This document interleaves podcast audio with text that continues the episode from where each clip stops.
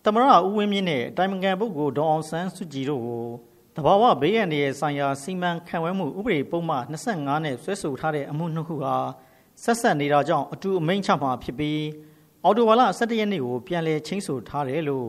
အမှုကိုလိုက်ပါဆောင်ရွက်ပေးနေတဲ့တရားလွှတ်တော်ရှင်ဒီဥက္ကမောင်စောကပြောပါတယ်။အော်တိုဝါလာ၄ရက်နေပြည်တော်ကောင်စီဝင်းအတွင်းရှိ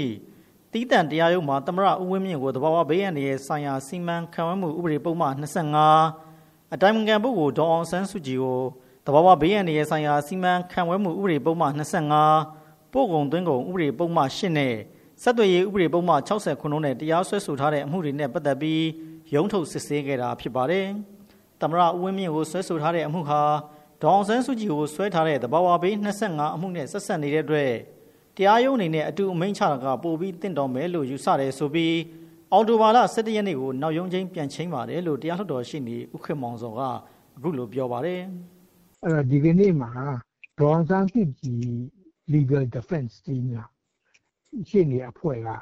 ရှင်းနေ9ယောက်စလုံးသဘူတီရီအထူးတရားရုံးကို9နာရီမှာသွားပါတယ်9နာရီခွဲမှာဒေါ်ဆန်းစုကြည်နဲ့တွေ့ပြီးတော့အမှုအကြောင်းအရာ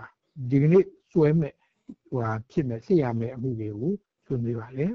အဲ့ဒီနောက် ဥဝင်းမြင့်နဲ့စက်တိုက်တွေ့ပါလေနောက်10နာရီခွဲမှာအဲတရားယုံစပါတယ်အဲ့ပထမဆုံးကတော့ဒီနေ့လေးမှုဟိုကြာရုံကဆောင်ရွက်ရမှာပါပထမဆုံးကတော့ဥဝင်းမြင့်ကိုဆွဲဆိုထားတဲ့တဘာဝဘေးပုံမှန်25မှုစခေါ်ပါတယ်ဟိုဆွဲချက်တင်မတင်အမိန့်ချမှတ်ရမှာဖြစ်ပေမဲ့နော်သူတရားသူကြီးကဒီနေ့အမိန့်မချသေးဘူးလို့ပြောပါတယ်ဒီမှုဟာ ယာစီမှု30ခု2021ဆိုတာကတောင်စန်းစုကြည်ကိုစွဲထားတယ်အဲ့ဒီဟိုပါပဲနော်တဘာဝဘေး25အမှုနဲ့ဆက်ဆက်နေတဲ့အတွက်ကြောင့်တဲ့နော်အဲ့ဒီဟိုတရားရုံးအနေနဲ့ဟိုတခြားအမှုပေါ့အဲ့ဟိုဟာယာကြီး30ခုနဲ့အတူနော်ဟိုအမိန့်ချတာကပို့ပြီးတင့်တော်မယ်လို့ယူဆတယ်နော်ထပ်ပြီးတော့ဟိုအကြောင်းပြချက်တော့ ဟိုမဖြစ်ပါဘူးနော်ဟိုပြီးကြအကြောင်းပြချက်ထပ်မပေးပါဘူးနော်အဲ့လိုမပေးဘဲနဲ့အဲ့လိုဟွာဖြစ်တယ်ဆိုပြီးတော့ဟိုကြံချိန်ပါတယ်နော်17ရက်10လ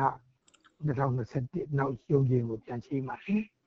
သမရဦးဝင်းမြင့်ကိုသဘောဝဘေးရန်ရဲ့ဆိုင်ရာစီမံခန့်ခွဲမှုဥပဒေပုံမှန်25နဲ့ရုံးထုတ်စစ်ဆေးမှုအပြီးမှာအတိုင်းအငံပုဂ္ဂိုလ်ဒေါအောင်ဆန်းစုကြည်ပေါ်ဆွဲဆိုထားတဲ့ပို့ကုန်သွင်းကုန်ဥပဒေပုံမှန်8နဲ့တရားစွဲဆိုထားတဲ့အမှုအတွက် ထပ်တိုးသက်သေလျှောက်ထားမှုကိုအမိန့်ချခဲ့တယ်လို့တရားလွှတ်တော်ရှင်တွေဥက္ကမောင်စောကဆက်လက်ပြောပါတယ်။အော်တိုဘာလ၄ရက်နေ့ရုံးချိန်မှာအတိုင်းအငံပုဂ္ဂိုလ်သဘောဝဘေးရန်ရဲ့ဆိုင်ရာစီမံခန့်ခွဲမှုဥပဒေပုံမှန်25နဲ့တရားစွဲဆိုထားတဲ့အမှုကို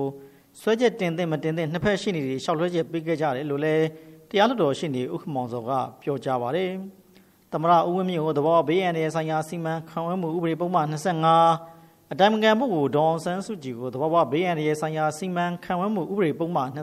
25ပို့ကုန်သွင်းကုန်ဥပဒေပုံမှန်8နဲ့ဆက်သွယ်ရေးဥပဒေပုံမှန်60ခုနဲ့တရားစွဲဆိုထားတဲ့အမှုတွေနဲ့ပတ်သက်ပြီးအပတ်စဉ်တနင်္လာနေ့မှာရုံးထုတ်စစ်ဆေးလျက်ရှိတာဖြစ်ပါတယ်။ဒါ့အပြင်သမရအတိုင်းအငံပုဂ္ဂိုလ်နဲ့ဒေါက်တာမျိုးအောင်တို့ကိုရာဇသက်ကြီးဥပဒေပုံမှန်905ခါနဲ့တရားစွဲဆိုထားတဲ့အမှုနဲ့တဘာဝဘေးရန်ရဲ့ဆိုင်ရာစီမံခန့်ခွဲမှုဥပဒေပုံမှန်25နဲ့နိုင်ငံတော်တိုင်ငံပုဂ္ဂိုလ်တရားစွဲဆိုထားတဲ့အမှုတွေနဲ့ပတ်သက်ပြီး အပတ်စဉ်အင်္ဂါနေ့မှာရုံးထုတ်စစ်ဆေးလျက်ရှိတာဖြစ်ပါတယ်။